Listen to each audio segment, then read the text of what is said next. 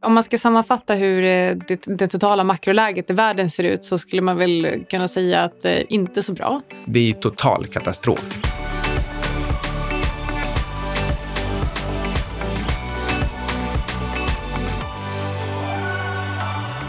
Du lyssnar på Outsiders. Med Syding och Svan. Och eh, Sydingen har en spaning från helgen. Berätta. Jag har sett tre och en halv cykler eh, på helgen. Och det här var tydligen någonting som folk tycker är fullständigt fantastiskt, men det gör inte jag. Jag fattar inte. Nej, det är nämligen så att en skateboardåkare har snurrat tre och ett halvt varv i en ramp. Och det är första gången. Och efter den här då enorma prestationen så hoppade han ner på knäna och gled ner och tog emot massornas jubel över en enorm prestation. Men eh, som vi har lärt oss från marknaden så är inte halvcykler så himla mycket att hänga i julgranen. Man måste ju klara hela cykeln. Det var typ den mest långsökta liknelsen någonsin. Framförallt när det handlade om en skateboardåkare som hade gjort tre och ett halvt varv. Ja, men vi är inte klara där, för det finns ju också en riktigt manlig sport och de gör eh, rutinmässigt fyra hela varv, alltså fyra cykler utan att eh, egentligen eh, gäspa. Och vad är det för sport? Simning eller hopp, eh, simhopp? Konståkning. Let's kick some ice. Okay. Konståkning. Ja, okej. Okay. Mm, toppen. Förra veckan, för jag tycker att vi går vidare från, från det där. Eh, förra veckan pratade vi om eh, egentligen de långsiktiga effekterna av minusränta och framförallt vad som händer när vi som eh, typ nu börjar se en normalisering av eh, låga och eh, negativa räntor. Och idag så ska vi istället prata om hur makroläget ser ut just nu och så ska vi knyta ihop det med varför centralbanker väljer att ta till stimulanser för att snurra hjulet vidare. Men det är ju inte bara du och jag som gör den här showen ensamma. Vi har ju en tyst hjälte som egentligen inte är så tyst för lyssnaren kanske, för det är han som klipper in allt det roliga. Så Alex, du får, eh, du får klippa in precis vad som helst just nu. My name is Jeff. Alexander Marton heter han alltså. Han är dessutom delägare i vårt företag. Det är han faktiskt. Eh, men innan vi går in på eh, dagens makroläge och varför centralbanken väljer att ta till penningpolitiska stimulanser så tänkte jag bara fortsätta lite kort på min ränterant. När vi var på väg hem från Ibiza så läste jag en artikel i Financial Times. Och eh, den, eh, I den skrev de om hur UBS planerar att införa minusränta på sparkonton för kunder med mer än 2 miljoner schweiziska franc. Det där låter ju egentligen helt sjukt. Varför straffar man sina bästa kunder? Ja, det var faktiskt också en sån sak som jag funderade ganska mycket på. Men har du mer än 2 miljoner schweizerfranc på ditt konto hos UBS kommer du få betala 0,75 procent, vilket är rätt mycket årligen. Då. Eh, jag tyckte i alla fall att det var extremt mycket och det är också för att bankerna faktiskt ska ha lite marginal jämfört med eh, jämfört med riktiga räntan. Jag vad, vad tycker är, du om det? Ja, men, ja, men det, jag tycker att det är framförallt en signal på att eh, nu har man eh, sträckt det här repet så långt det går och nu måste man ta betalt det det faktiskt kostar. Och de stora kunderna, de är så pass stora att, eh, att man måste ta rätt räntemarginal och då blir det minusränta på insättningar. Alla, alla småkunder däremot, de, de kan man liksom skörta upp på andra sätt och det har man alltid gjort. En liten avgift här, en liten strukturerad produkt där som de inte riktigt eh, är, förmö liksom, eh, är förmögna, höll jag på att säga. Men det är precis det ordet jag menar, letar efter. Också. De är inte förmögna att göra den analysen själva. Och därför så kan man, jag menar 0,75 procent kanske man tar outright från en storkund. Men man tar 5 procent från småkunder utan att de märker det. Ja, men kortavgifter och så vidare. Och så, och så förklär man den här avgiften till något annat. Och nu det precis som du säger, det är visserligen bara för de här förmögna privatpersonerna just nu. Men jag tycker att någonstans så bör man titta på signalvärdet. Det var också någon som, en, en av de grejerna som vi tog upp i förra avsnittet. Vad, vad, betyder det här på lång sikt? Vad betyder den här normaliseringen på lång sikt? Innebär det att eh, nu är UBS som går ut och så tycker vi att det här är helt sjukt. Om, eh, om ett par år så kanske det är helt normalt att vi ska få betala för att få pengar på banken. Ja. Det, det, är riktigt vansinnigt. Kommer du ihåg när det kostade pengar att ta ut pengar från bankomaten? Ja, just det. Ja. ja några kronor. Jag kommer inte ihåg om det var några kronor per hundralapp eller om det var några kronor per gång. Men Nej, men det var... jag tror att det var också så här att du fick typ upp till tio uttag per år. I alla fall om man var Eh, upp till 18 eller upp till 21 eller någonting. Men efter det kostade de 35 kronor per uttag. Och egentligen så var det helt självklart.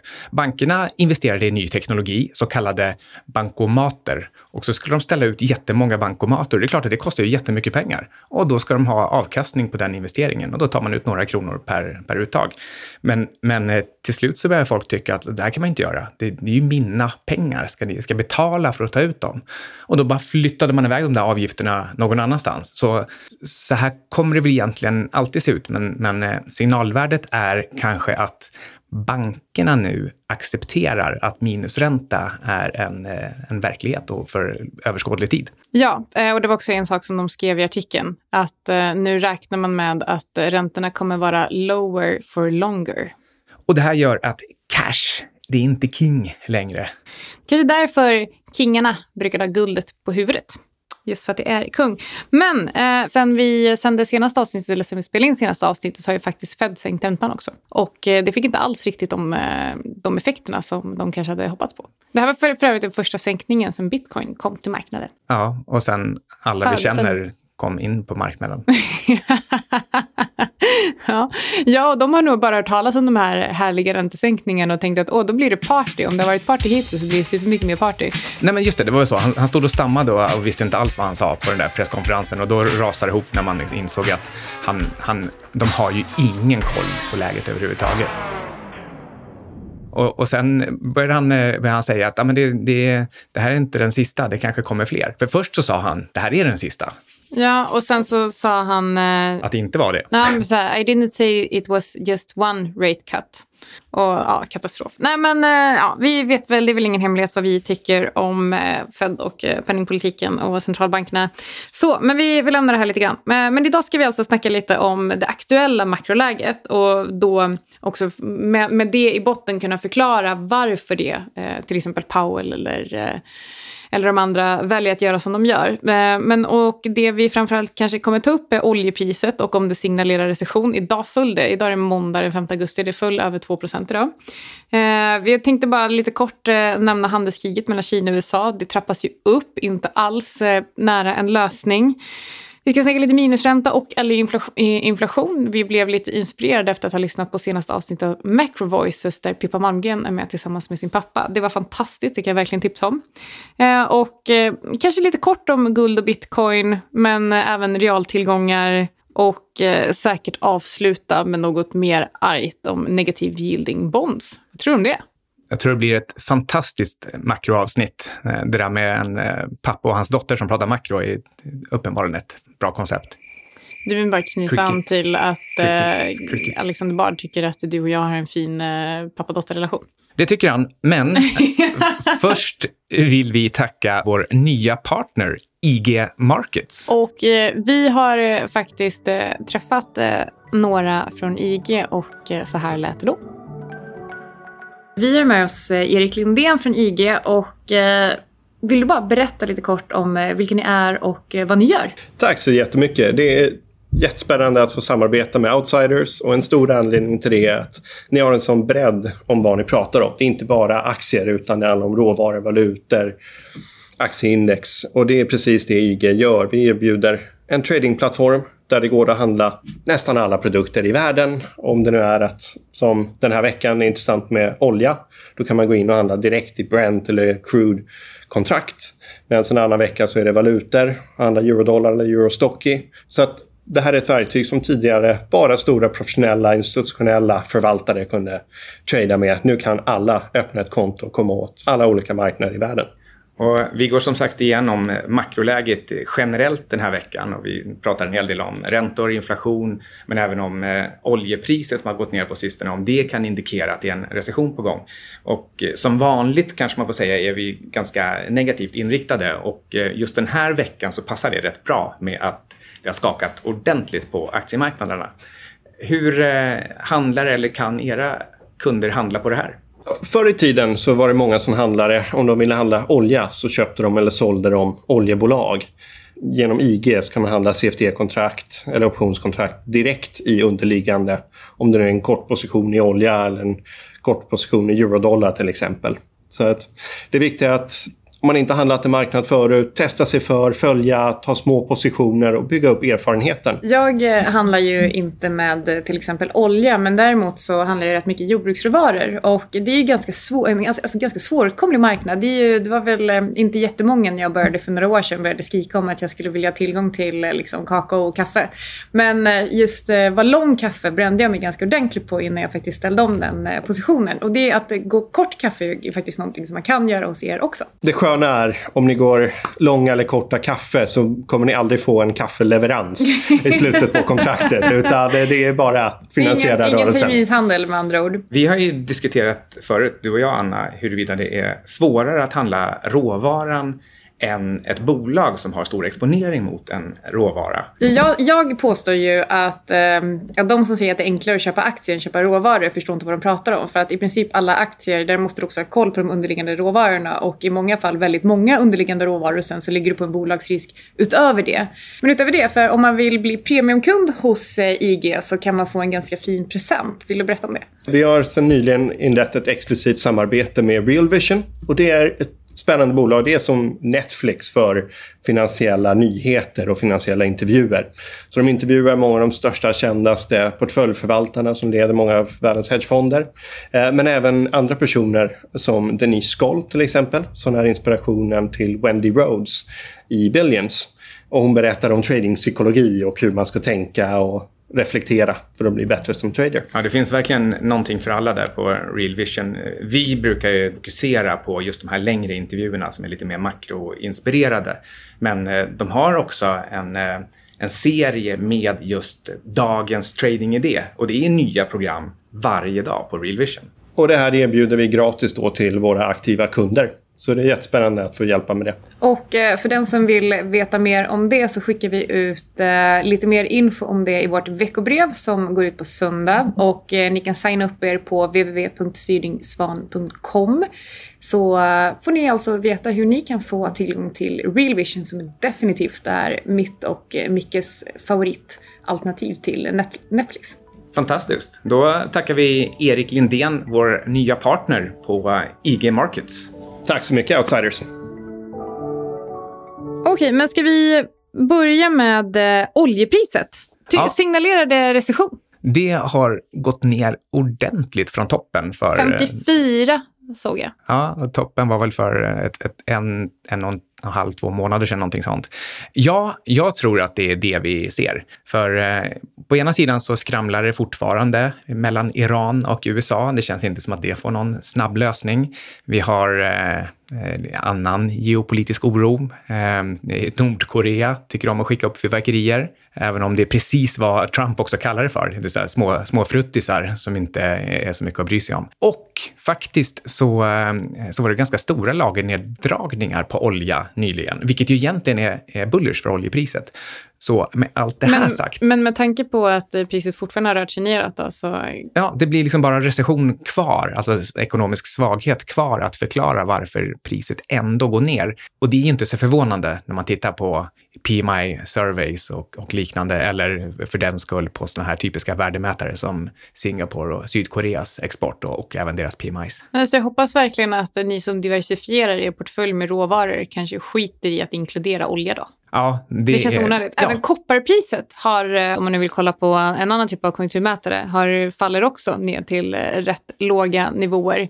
Så ehm, för mig då som eh, sitter och handlar råvaror, alltså jordbruksråvaror och ädelmetaller så känns det toppen. Min portfölj går jättebra, det gör din också. Koppar är ju den enda metallen med en doktorsgrad i ekonomi. Det brukar kallas doktor Koppar, just för att den är så bra på att förutspå konjunkturen. Ja, kul, kul att höra att min eh, portfölj går bra. Är det något särskilt i den som, som gått bra på sistone? Eh, nej, men Gram, Colombia Gold, Aselio, eh, Spotify har faktiskt också gått ganska bra det senaste. Det var, de fick ett ganska kyligt mottagande på sin rapport men handlades upp igen. Så att eh, de är väl här, strax... Ah, nu var de faktiskt ner några procent idag men det är ju framförallt för att hela marknaden är, är ner. Men, eh, ja, men sammanfattningsvis så bitcoin har ju lite tuggat i sidledes fram till idag. Eh, drog upp till 11,6. Eh, men det är väl framförallt Gran Colombia Gold, det är jordbruksråvaror, det är den korta kaffepositionen som äntligen är in the money. Ehm, Ja, nej, men generellt så är den ganska... Jag och min kontorskollega gick igenom portföljen och konstaterade att det är en jäkligt snygg eh, parering av den här marknaden på många sätt faktiskt. Jag är lite stolt över det. Är handelskriget bra eller dåligt för mig? Det är allt jag vill veta. Eh, det, men det är bra, är det faktiskt. Och hur går det? Eh, Hur handelskriget går? Mm. Ja, men det är inte jättebra, om jag ska vara helt ärlig. Nej, men, eh, För, för vem? För mig eller för... Ja, men för oss går det bra, för att, För eh, för att vi är, den, du är välparerad. Men, eh, men för Trump och president Xi så går det mindre bra. Det är nämligen så här, Trump drar upp tullarna och Kina vill inte förhandla så länge USA fortfarande har kvar tullarna. Så Kina säger i princip att vi kan förhandla och ta fram ett bra handelsavtal som passar båda. Om du tar bort tullarna så länge och då svarar Trump med att jag vet inte, öka tullarna. Så att, eh, nej men det ser inte superljust ut och om jag ska vara helt ärlig så tror jag att det är väldigt långt kvar tills vi ser en lösning. Och eh, om jag ska dra ännu längre, det här sa jag redan för ett år sedan. De eh, senaste nio månaderna, eller hur länge det här nu har hållit på egentligen, eller om det är tolv? Ett, ett, ett år. Vi var, i, eh, vi var i Grekland förra året Ah, när de eh, drog på de första tullarna och då skrev jag något om sojabönor. Att det I princip positivt. sedan dess så har ju Trump eh, regelbundet sagt att det här är löst om några veckor. Det, vi, vi har eh, upper hand och Kina kommer vilja lägga sig. De vet att eh, det kommer vara ännu värre att förhandla med mig 2020. Så det här är löst snart. Men eh, eh, som du sa då, det var det inte och eh, samma analys gäller fortfarande. Så är det absolut. Eh, man kanske kan fundera på liksom vilken typ av varor och produkter det är som är eh, rimliga att handla för att komma runt det här. Men det enkla svaret på den frågan är faktiskt eh, krypto och guld. Ja, och eh, det leder oss nästan osökt in på nästa tema, nämligen inflation. Och vad säger Pippa och hennes pappa i det här poddavsnittet? Ja, de säger, kan man eh, lite, så här, lite lätt översatt eh, säga att de säger att inflation är alltid och kommer alltid vara ett psykologiskt fenomen. Egentligen så säger de eh, negativ ränta det lägger grunden för inflation. Punktum slut. En annan eh, gäst som var med ganska nyligen i Macro Voices, eh, Peter Warburton, han påpekar det här med eh, att inflation är ett psykologiskt komplex, ett psykologiskt fenomen. Det inträder när man tappar förtroendet för pengar eh, och tappar förtro- förtroendet för det ekonomiska systemet och för politiker som ju håller i det ekonomiska systemet, det vill säga hela själva fiat-komplexet. Och fiat betyder ju bara tilltro och det är det man tappar. Och eh, Eh, en sak som jag har sagt till dig de senaste dagarna eh, och framförallt efter räntesänkningen eh, från Fed var att jag tror att vi i framtiden kommer att titta tillbaka på den här perioden och framförallt den här räntesänkningen och framförallt på krypto, jag tänker senaste decenniet egentligen, och prata om att det här var liksom början på det riktiga slutet för eh, hur Fiat ser ut idag. Jag tror inte att Fiat är framtiden. Jag tror att framförallt nu med tanke på att vi faktiskt har kryptovalutor och att det har funnits med i, i tio år så mm, tycker jag att det känns, eh, känns rätt uppenbart att eh, allt förtroende för, eh, för det gamla penningpolitiska systemet är förbrukat och vi kommer inte kunna trycka pengar i all oändlighet och nästa, nästa valuta som skapas för jag är helt övertygad om att det kommer inte vara en ny fiat-valuta. Eh, man kommer behöva tänka om. Eh, det kommer vara definitivt något kryptorelaterat. Så jag tror att det här är början på slutet för fiat. Så se till så att du äger lite historiskt guld och eh, lite av framtiden i eh, diverse kryptovalutor.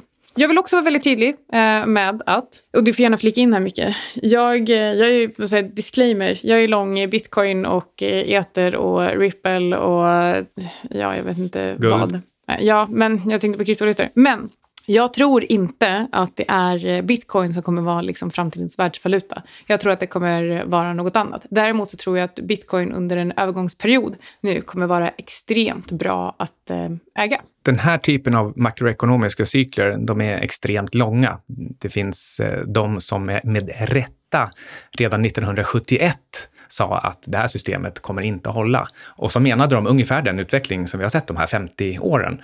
Det gick ju förstås inte att handla på på det sättet. Och det är fortfarande, får man väl ändå säga att, att eh, vi tenderar ju att titta på skeenden som, som rör sig över 5-10 år. Och det går inte att, att tajma riktigt, inte för den som, eh, som handlar aktivt. Men däremot när man har kommit till den här punkten som vi är nu, att man kan säga att de här 10 åren och även de 50, de har redan gått och nu, nu ser vi ganska tydliga tecken på att vi, vi är nära den här eh, eh epicentrum för, eh, för förändringen. Och sen som du säger, ja men det behöver absolut inte bli så att bitcoin blir en världsvaluta. Eh, vi har diskuterat det förut och, och jag sällar mig till de som tror på en, eh, någon slags guldbackad regeringsledd digital valuta, kanske en, en slags global digital eh, guld, och, och, som du vill kalla det för krypto eller inte, men det, det är att den är digital och guldkopplad.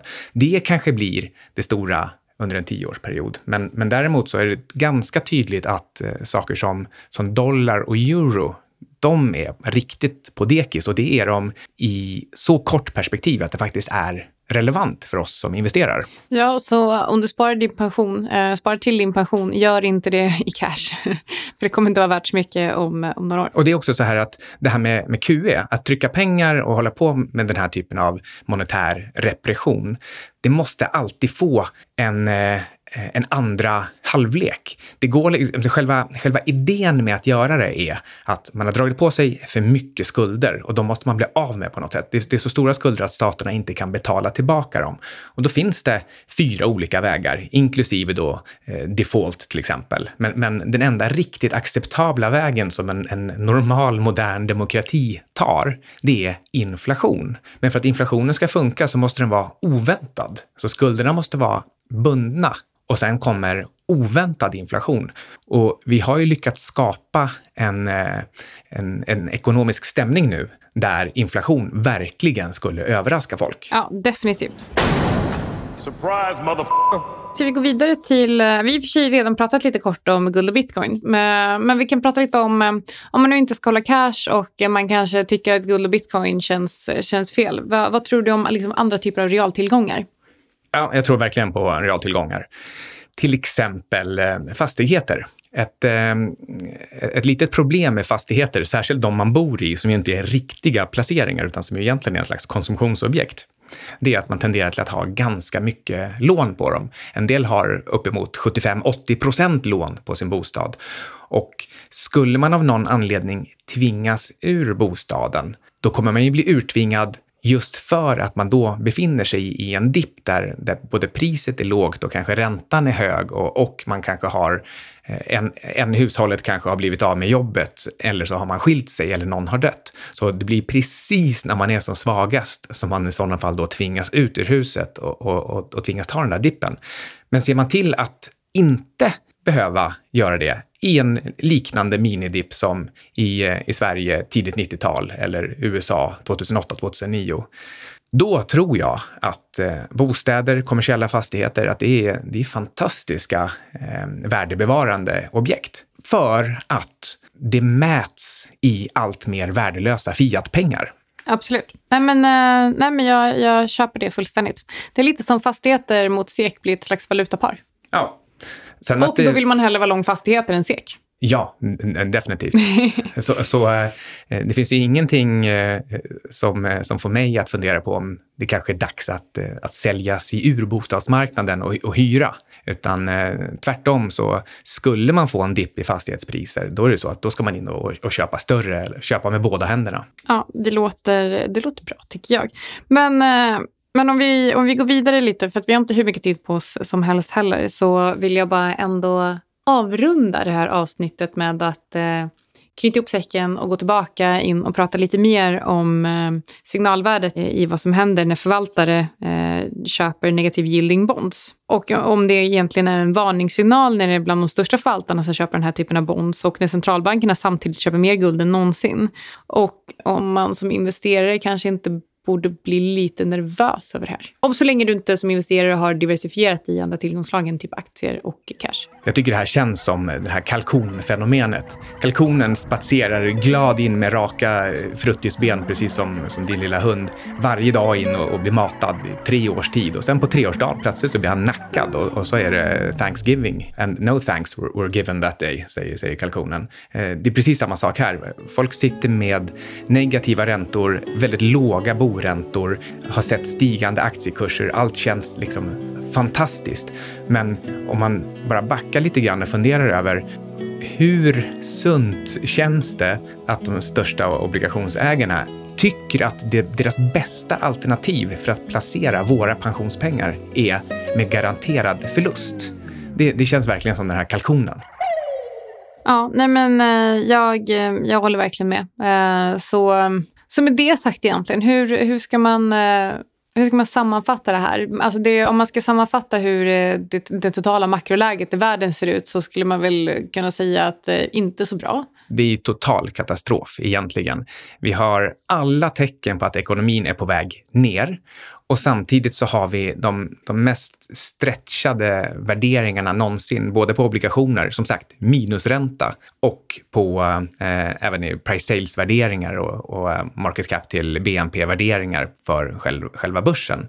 Och sen har man då som, som kanske nästan den enda balanserande tillgången, det är den här få 9 trillion som är vad hela guldmarknaden är värd. Den är alltså värd 9 trillion medan den globala aktiemarknaden är värd 70. Alltså bara aktier är värda nästan 10 gånger så mycket som allt guld i världen. Ja, det är ju faktiskt helt vanligt. Men har du räknat med den där asteroiden också då?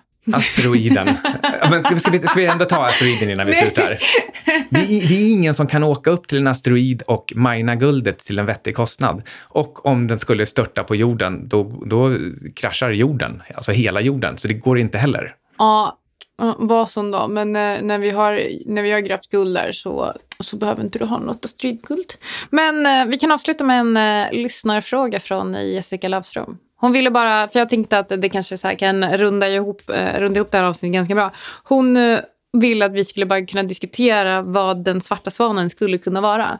Och eh, jag skulle vilja säga att eh, allting är så jävla illa just nu så det finns ingen oförutsedd händelse som skulle kunna liksom, få det här på fall. Jag tror att det kommer falla ganska bra ändå. Och alla svarta svanar är faktiskt vita. Och mina tre svarta svanar, det är ett att eh, Sydkorea och Nordkorea sluter fred och att det blir ett stort jubel i världen. Eh, en annan svart svan, det vill säga en oväntad händelse med, med stor impact, det är om eh, AI plötsligt eh, når över en tröskel och, vi går in i singulariteten? Ja, precis. Vi går in i singulariteten eh, under slutet av 2019. Eh, det skulle kunna lyfta välståndet något fantastiskt och faktiskt göra att alla de här skulderna blir mer eller mindre irrelevanta. Och en, en tredje är till exempel eh, om någon löser problemet med kall fusion. Det är, det är flera forskare som flera gånger har sagt att de har gjort det, men det har ju förstås varit kinesiska fuskforskare. Jag förstår att du försökte vara lite lurig nu när du bara lyfte fram tre saker som skulle kunna vara positiva för ekonomin. Ja, men en del kanske inte riktigt inser vad svart svan jo, betyder. Jag förstår, jag förstår att det var en utbildningsfråga, men jag tror, att, eh,